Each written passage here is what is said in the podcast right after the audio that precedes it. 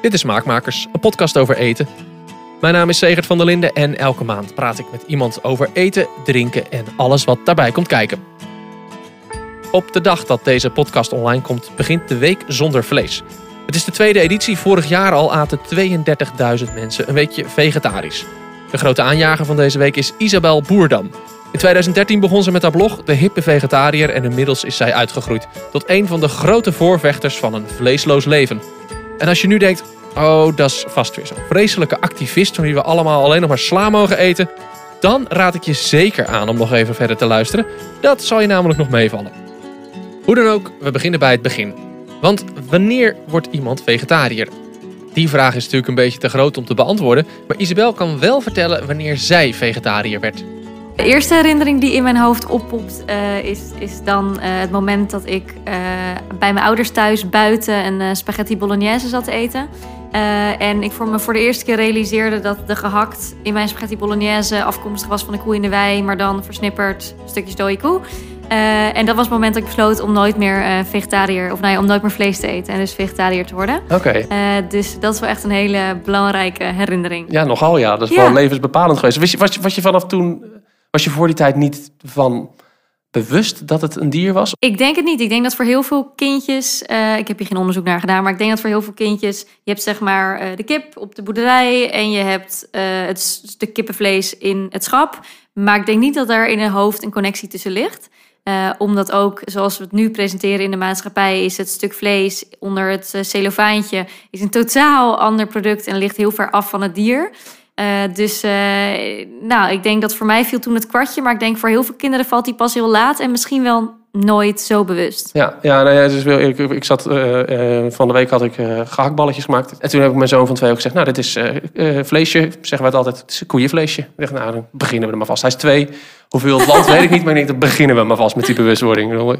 Ik wil niet zo'n kind hebben inderdaad dat alleen maar denkt dat vlees in een verpakkingje groeit of zo. Dat, Ja, dat, ja. dat vind ik niks, nee. En dan moet hij zelf later maar kiezen wat hij ermee doet met de informatie. Dat is dat. Precies.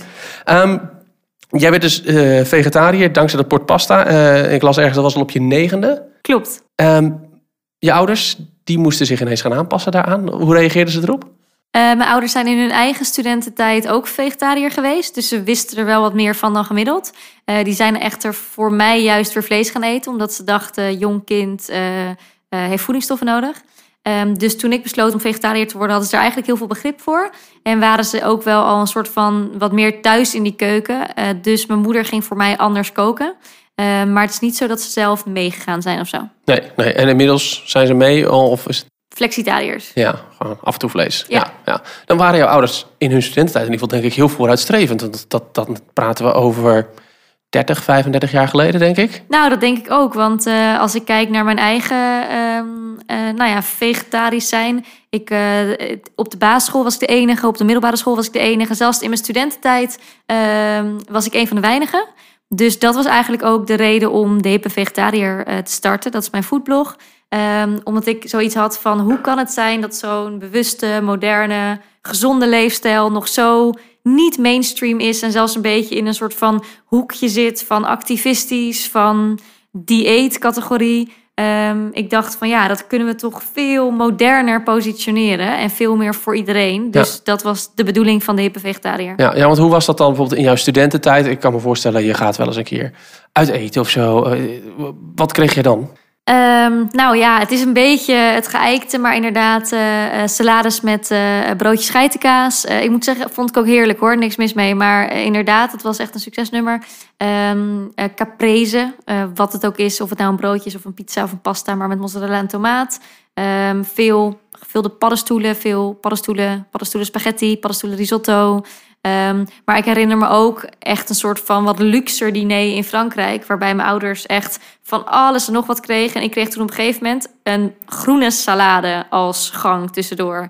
En toen keek ik wel dat ik dacht, oké, okay, nou ja, wow. het kon. Ja. Ja. Dat was echt gewoon een goed restaurant. Dat was Ja. niet gewoon een, ergens Ja. een, een bistrootje. Dat Nee. was serieus. Dat was echt serieus goed, misschien wel sterwaardig eten. Oh, Ja. jee. Ja. Maar konden ze dan niks mee? eh, Dat, voor, nou ja, dat was natuurlijk dat was toen Frankrijk, in Frankrijk. Ja, Eh, dus eh, nou ja, daar heb je natuurlijk helemaal de Franse keuken die, die alles doet op basis van het dier. En dat is ook oké. Ehm, maar nou ja, in Nederland waren we toen al wel ietsjes vooruitstrevender. Maar er is echt een enorme eh, positieve ontwikkeling geweest. En aan die positieve ontwikkeling heeft Isabel een flinke bijdrage geleverd. Want ze noemde hem al, de hippevegetariër.nl, haar foodblog. Tegenwoordig een serieus bedrijf met medewerkers en zo. Maar bij de start in 2013 had het een wat meer bescheiden status. Het recept Aziatische koolsalade lekker en light. Zeg je het nog? Ja, zeker. ik denk echt dat er heel veel van wat op mijn blog staat, dat ik dat gewoon nog weet. Dat was echt, ik denk, het eerste of tweede recept dat ik plaatste. Het allereerste blogpost op, je, Oh, op de hippe vegetariër, Ja. inderdaad, ja. ja. Nou, dat komt ook. De hippe vegetariër toen starten was ehm, eh, voor mij ook wel eh, het, het gezonde aspect echt een belangrijk onderwerp. Eh, in mijn studententijd was ik best wel een beetje aan het worstelen met wat is nou gezond eten. Ehm, ja, weet je wel, hoe zit het nou met die boterham met kaas en dat glas melk erbij? Is dat het nou eh, als ik dat eet? Eh, ik voelde me toch minder fit. Ik werd ook een stukje zwaarder. Dus in het begin was vegetarisch eten voor mij ook echt een manier om licht te eten. Dus ook, nou ja, ook een beetje richting slank, zeg maar. Ehm, dus dit was echt een recept wat een beetje uit die tijd kwam. ja. In die zin is de hippe vegetariër ook wel heel erg met mij meegeëvalueerd van ja, waar Isabel staat in haar etende leven. Ehm, eh, en het is steeds meer geëvalueerd naar waar mijn lezers mee bezig zijn. Dus op dit moment is het echt geen weerspiegeling meer van alles wat ik leuk, lekker vind en doe. Maar dat was in het begin wel zo. Eh, wie lezen de hippe vegetariër? Wat zijn dat voor mensen? Nou, dat zijn wel, het zijn wel, dat zijn natuurlijk mensen die echt een grote mate van interesse hebben in eh, vegetarische, gezonde, duurzame voeding. Ja. Over het algemeen zijn het hele kritische lezers. Eh, dus ehm, eh, ik moet beslist geen onzin verkopen. Ik, ik, ik moet heel goed opletten als ik ehm, nou ja, producten aanprijs. nou, dat dat helemaal van A tot Z klopt. Dat doe ik natuurlijk vanzelfsprekend al. Ik, ik, heb een universitaire achtergrond en vind dat net zo belangrijk als mijn lezers. Maar ehm, ze houden me beslist scherp. Ehm, ik denk dat het ja, 80% zo niet meer vrouw is. Ja? Eh, leeftijdscategorie grootste gedeelte zit tussen de 25 en de 34. Ja. Maar ehm, mm, ik heb een sterke volgersbase wel tot 45. En dan ook alweer een pluk wat ouderen. Omdat ik bijvoorbeeld veel aandacht besteed aan ehm, vergeten groenten. Ah, en ja, ja. eh, dat zijn echt typisch artikelen Oh, die dan door eh, 60 plus gelezen worden. Ja, ja, ik. Ja, nou, je noemt het al een beetje waar, waar, waar, wat mij ook altijd wel opvalt als het gaat om vegetarisch, veganistisch. Het is nog steeds op een of andere manier echt een vrouwending. Ja, dat Hoe klopt. komt dat toch? Heb jij daar antwoord op? Ik, ik snap, ja, ik, misschien snap ik het wel. Misschien is het gewoon alleen, ja, ik, ik roep mijn, eh, e- even mijn, mijn eh, interpretatie. Vlees is, straalt stoerheid uit of zo, op de een of andere manier. Nou ja, eh, helaas denk ik dat je daar echt gelijk in hebt. Het is absoluut een enorme uitdaging voor mij. Ik heb die nut ook nog niet gecrackt. Ehm, eh, maar mannen hebben echt een emotionele bond met vlees. Eh, ik merk ook dat eh, op social media, als het gaat om de Nationale Week zonder Vlees bijvoorbeeld, is, is, het, is, de, is de stemverheffing van mannen enorm aanwezig. Hm. Ehm, en eh, ja, je ziet dat, dat, dat mannen echt een stukje van hun mannelijkheid aan dat stukje vlees hangen. Of een stukje vrijheid van meningsuiting. Terwijl ik ook een heleboel mannen ken in mijn omgeving. Die ik gewoon door het voeren van hele lekkere vegetarische maaltijden. Ja, probleemloos langzaam veranderen in flexitariërs. Ja, Dus ehm, eh, ja, mannen zijn nog niet bereid om die stap te maken. Maar ik weet zeker dat ze eigenlijk gewoon prima doelgroep zijn. ja maar het gekke is inderdaad dat, dat, dat er zelfs een speciaal mannen-vegan kookboek uit moest komen vorig jaar. Ja. Man Eat Plant, om, om misschien maar te zorgen, geschreven door twee vrouwen, dat dan weer wel. Maar om misschien toch maar weer te zorgen dat, dat de mannen vlees, eh, vlees laten staan. Ik, ik- Ja, maar goed, tegelijk, de vrouw is ook degene die in de meeste huishoudens de boodschappen doet en kookt. Dus het Ook geeft steeds, niet. ja. Ik denk dat er genoeg mannen mee eten eh, met ja, de ontwikkeling eh, van de vrouw. Maar eh, helaas, ik wacht erg op het moment dat mannen zich er ook in kunnen vinden. De volgende vraag zal iedere vegetariër of veganist bekend voorkomen. Sterker nog, ik denk dat iedereen met een iets wat afwijkend voedingspatroon hem regelmatig voor de kiezer krijgt. Wat eet je dan wel? Heb je nog tips waarvan je denkt, nou daar, daar heb je vast nog niet aan gedacht. Buiten de, de, het vegetarische schap in de, in de supermarkt eh, met vleesvervangers. Nou, een, een belangrijke tip als je geen vleesvanger wil eten, wat overigens ik een prima categorie vind voor mensen die net beginnen met minder vlees eten. Het is natuurlijk heel erg één op één. Je haalt je biefstuk weg, je stopt er een vegetarische burger of, of, of biefstuk voor in de plaats. Ik heb ze ook altijd in de vriezer liggen. Gewoon een paar pakjes. Ja, Super makkelijk voor als je keer s'avonds uh, niet zoveel tijd hebt. Hetzelfde geldt ook voor, ik geloof echt fijn gehakt en kipstukjes. Echt van die dingen als je ze door een saus heen doet. Ik zweer je, je proeft het niet. Dat zijn de dingen van de vegetarische slager dan, hè? Dat is niet dat je nu ineens gehakt en kip aan staat te prijzen. Dat zijn nee, die nee, nee. van de vegetarische vegetarisch kipstukjes en vegetarisch fijn gehakt. eh, die heb je echt van diverse merken. Ehm, ik geloof echt ook voor de mannen. Eh, met name, ik roep altijd alle vrouwen op van... maak gewoon een spaghetti bolognese met vegetarisch gehakt. Ze proeven het niet. Nee. Maar goed, los daarvan eh, is mijn tip echt... als je anders wilt eten, eh, gebruik de, vege- de wereldkeuken als eh, inspiratie. Want je ziet heel erg dat als je kijkt naar India of naar Thailand... dat eigenlijk ehm, de, de, de inspiratie voor heerlijke vegetarische gerechten... echt op een plaatje aangeboden worden. Ehm, nou, mijn persoonlijke favoriet voor een snelle avondmaaltijd is curry. Eh, dat is echt iets wat je zo in elkaar tovert. Het is eigenlijk gewoon een kwestie van, nou ja, rijst, ehm, eh, currypasta, kokosmelk. En dan gooi je er alle restjes van je koelkast van groenten erin. Eventueel dus nog iets van tofu of kikkererwten. Of, en klaar is je maaltijd. Ehm, dat vind ik echt een hele ideale. Maar bijvoorbeeld ook meer vanuit de Marokkaanse keuken. eh, een couscousgerecht. Eh, gaat ook perfect met gestoofde groenten. Ehm, dus ja, dat zijn echt twee voorbeelden van hele lekkere vegetarische gerechten uit de wereldkeuken. Ja, wel grappig dat je dat inderdaad zegt, de wereldkeuken. Want ik eh, zit zelf al eens te zoeken. Ik, ik heb altijd het idee dat als je vegetarische dingen gaat eten, of gaat koken, dat je inderdaad heel gauw in het buitenland uitkomt met, met recepten. In Nederland Nee, zit het niet echt of zo. Onze nee, cultuur heeft het niet of zo. eh, klopt. Ja, je hebt natuurlijk stampot. Ja. Ja, maar dat is echt wel een beetje kaal zonder... eh, ja, ik moet eerlijk zeggen, dat is zonder een. Ja, ik vind dat dan zonder rook. Ja, ik doe wel eens uien, gekarameliseerde uien doorheen. Oh, dat ja. maakt het nog wel eens heel lekker. Maar de anders, ja, toch een rookworst of zoiets. Ja, dat maakt het Dus wel af voor mij of zo. AGV'tje, weet je, daar, de- ook daar, nou ja, goed, dan krijg, kom je dus echt bij die vleesvervanger. En ja, dan, dan kan ik me wel voorstellen dat je het gevoel hebt dat je een beetje een treurige maaltijd hebt. ja, Dus ook, oh je trouwens, Italiaanse keuken. Weet je, pasta's, super lekker vegetarisch. altijd goed. Ja. Eh, maar inderdaad, je hebt heel erg gelijk. Eh, vega in Nederland, Nederlands keuken, moi. ja, er is niet echt iemand nog die dat, eh, die dat doet of zo. Of die dat toegankelijk doet of zo op de een of andere manier. Ik, ik- ken jij hem of haar? Nou, wat ik wel heel leuk vind, eh, je hebt eh, Dutch cuisine. Eh, dat ja. is een, een initiatief van, van restaurants die echt de lokale Nederlandse keuken omarmen. En daar zie je wel dat ze echt fantastisch zijn met, ehm, eh, nou ja, ook vegetarisch.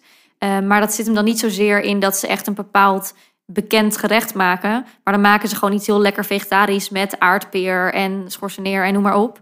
Ehm, maar dan moet je dus wel, ja, het kan dus heel goed met producten uit Nederland, maar niet in zo'n hokje te plaatsen van zo'n gerecht maak je dan.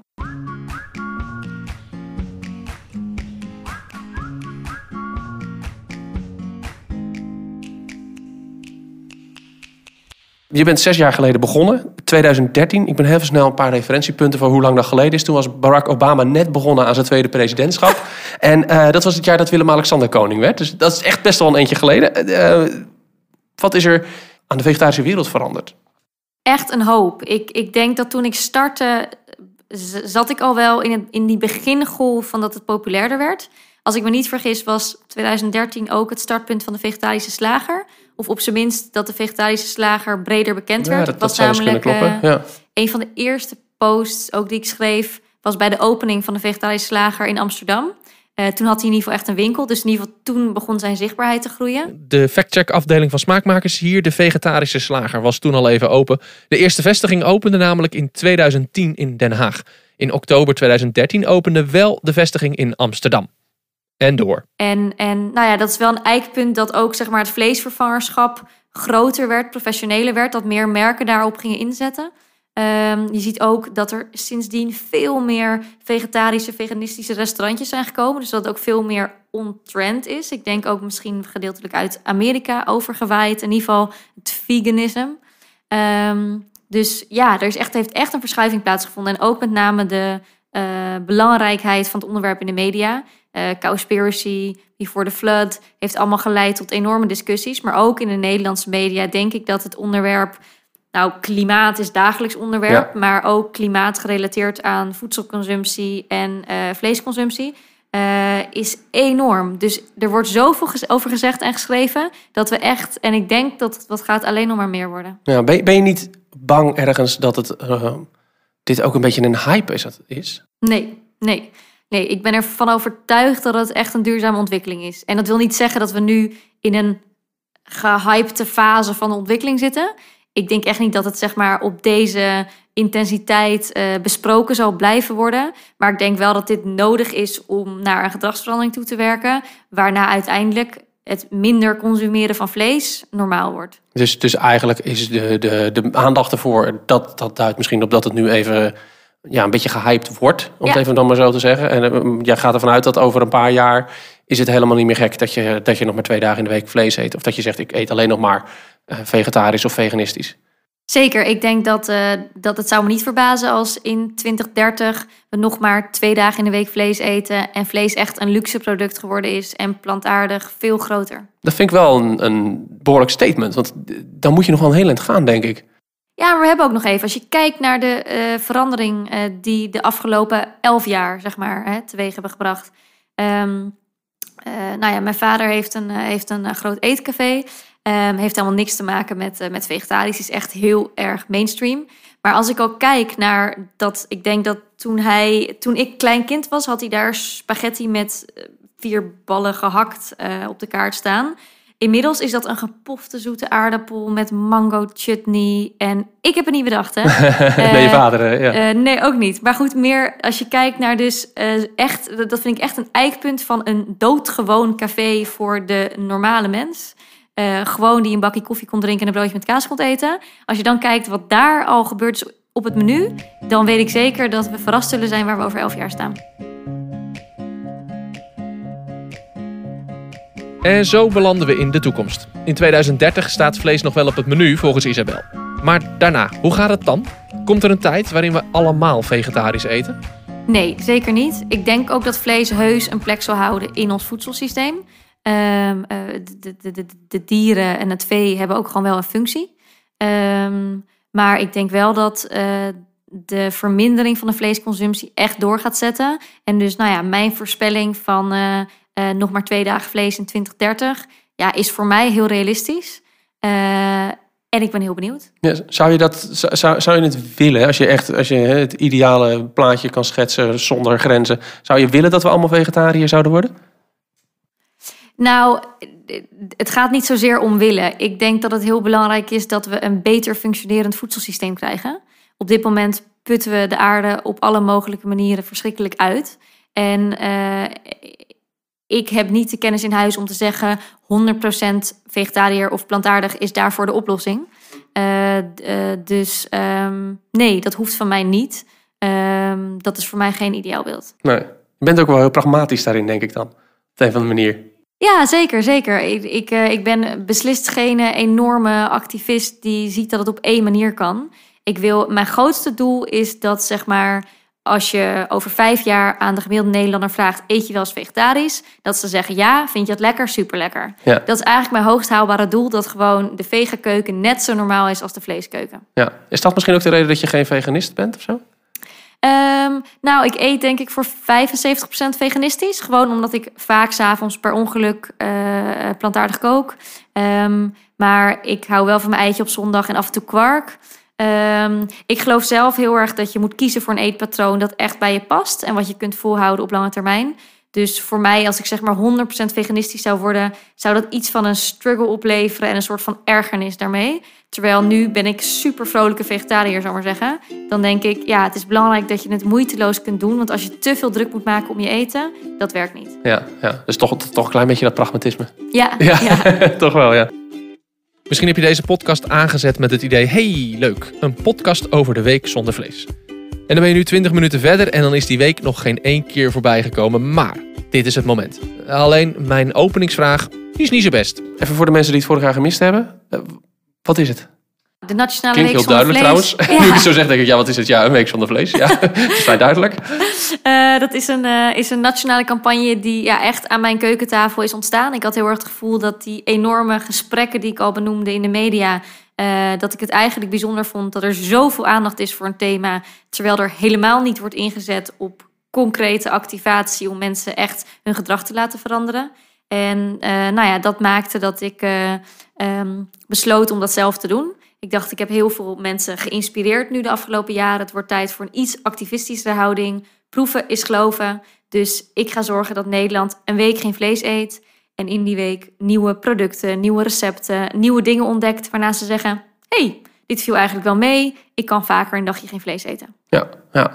En nu, vorig jaar was de eerste editie. En uh, van 11 tot 17 maart uh, vindt de tweede editie plaats. Hoeveel mensen deden er mee vorig jaar trouwens? Heb je enig idee uh, wat een beetje... Zeker. Uh, vorig jaar waren er 32.000 uh, ingeschreven deelnemers... die dus echt op weekzondervlees.nl de handeling verricht hebben zich in te schrijven. Um, we weten echter dat nou, gemiddeld doen mensen mee met tenminste één andere persoon. Ja. dus de bubbel is nog veel groter. Ja, ja. Dit jaar, wat is er nieuw aan de week? We krijgen een fysieke locatie. Uh, op uh, Utrecht Centraal krijgen we een pop-up store waar mensen de hele week terecht kunnen om vragen te stellen, om receptkaarten te halen, om te klagen. Um, is ook, nou ja, wordt echt een beetje het kloppend hart van de campagne. Daarnaast zijn we heel druk bezig op de achtergrond om de politiek erbij te betrekken. Er zijn nu kamervragen gesteld. Uh, dus uh, aan alle ministeries. Dus we zijn heel benieuwd hoe die beantwoord gaan worden. en we hebben alle fracties en hun fractieleden persoonlijk uitgenodigd om mee te doen. Um, dus we hopen echt in die zin op meer politieke betrokkenheid. Ja. daarnaast is er ook een geprofessionaliseerd scholenprogramma. Dus we gaan zorgen dat basis- en middelbaar onderwijs aandacht besteden aan het onderwerp. Um, nou, net als vorig jaar is er een vegetarische restaurantweek aangekoppeld. Uh, om te zorgen dat ook restaurants een speciaal vegetarisch aanbod serveren en mensen uit eten kunnen. Jeetje, wat veel zeg. Ja, zeker. Duizelt het je wel eens? Dat je denkt, jeetje, wat hebben we allemaal op poten gezet. Uh, het is hier meestal heel druk. Ja. Uh, dus dat klopt. Maar ja, tegelijk gaat mijn hart zo hard kloppen van zo'n campagne. En om dan te zien wat het teweeg brengt. En dan zijn we bijna aan het eind van het gesprek. Ik sta al op het punt om de opname te stoppen, maar dan bedenk ik me nog iets. Want we zitten in Amsterdam.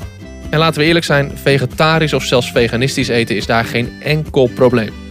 Maar zitten we misschien gewoon in een bubbel waarin we even vergeten dat het in de rest van het land helemaal zo makkelijk niet is om vegetarisch te eten?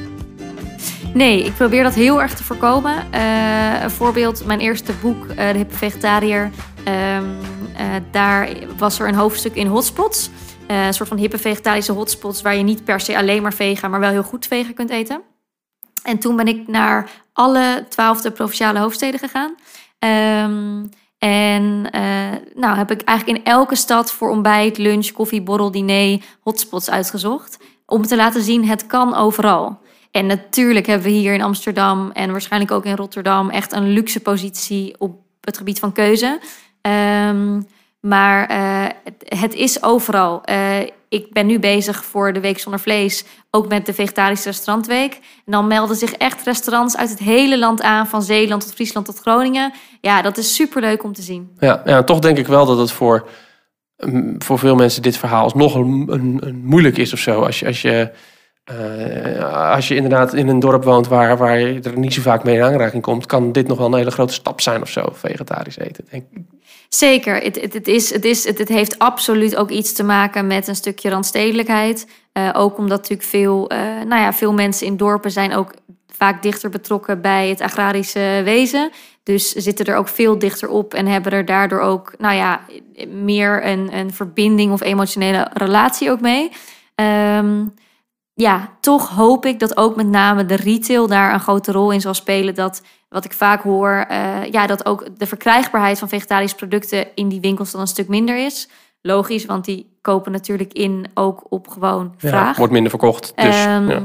Maar ik hoop wel dat, dat, dat supermarkten ook steeds vaker daar een soort van uh, ja, voortrekkende rol in zullen vervullen. Dat ze ook dingen in het schap liggen die nog niet populair zijn, maar waar mensen misschien even aan moeten wennen. Ja. Um, dus uh, ik vind het heel belangrijk dat het echt iets landelijks wordt. Maar tegelijk ben ik ook niet negatief, want als we kijken naar de Week Zonder Vlees, was er echt landelijke dekking. Dit was Smaakmakers. Wil jij deze week ook meedoen aan de Week Zonder Vlees? Of ben je gewoon op zoek naar inspiratie voor lekkere vegetarische recepten? Check dan even de show notes. Daarin staan alle linkjes. En als je deze week op Utrecht Centraal bent, loop dan even langs de pop-up store. Wil je nog meer vega-inspiratie? Luister dan over twee weken naar de Smaakmakers standaard uitrusting van Isabel. Daar hoor je drie tips voor lekkere vegetarische maaltijden. Tot dan!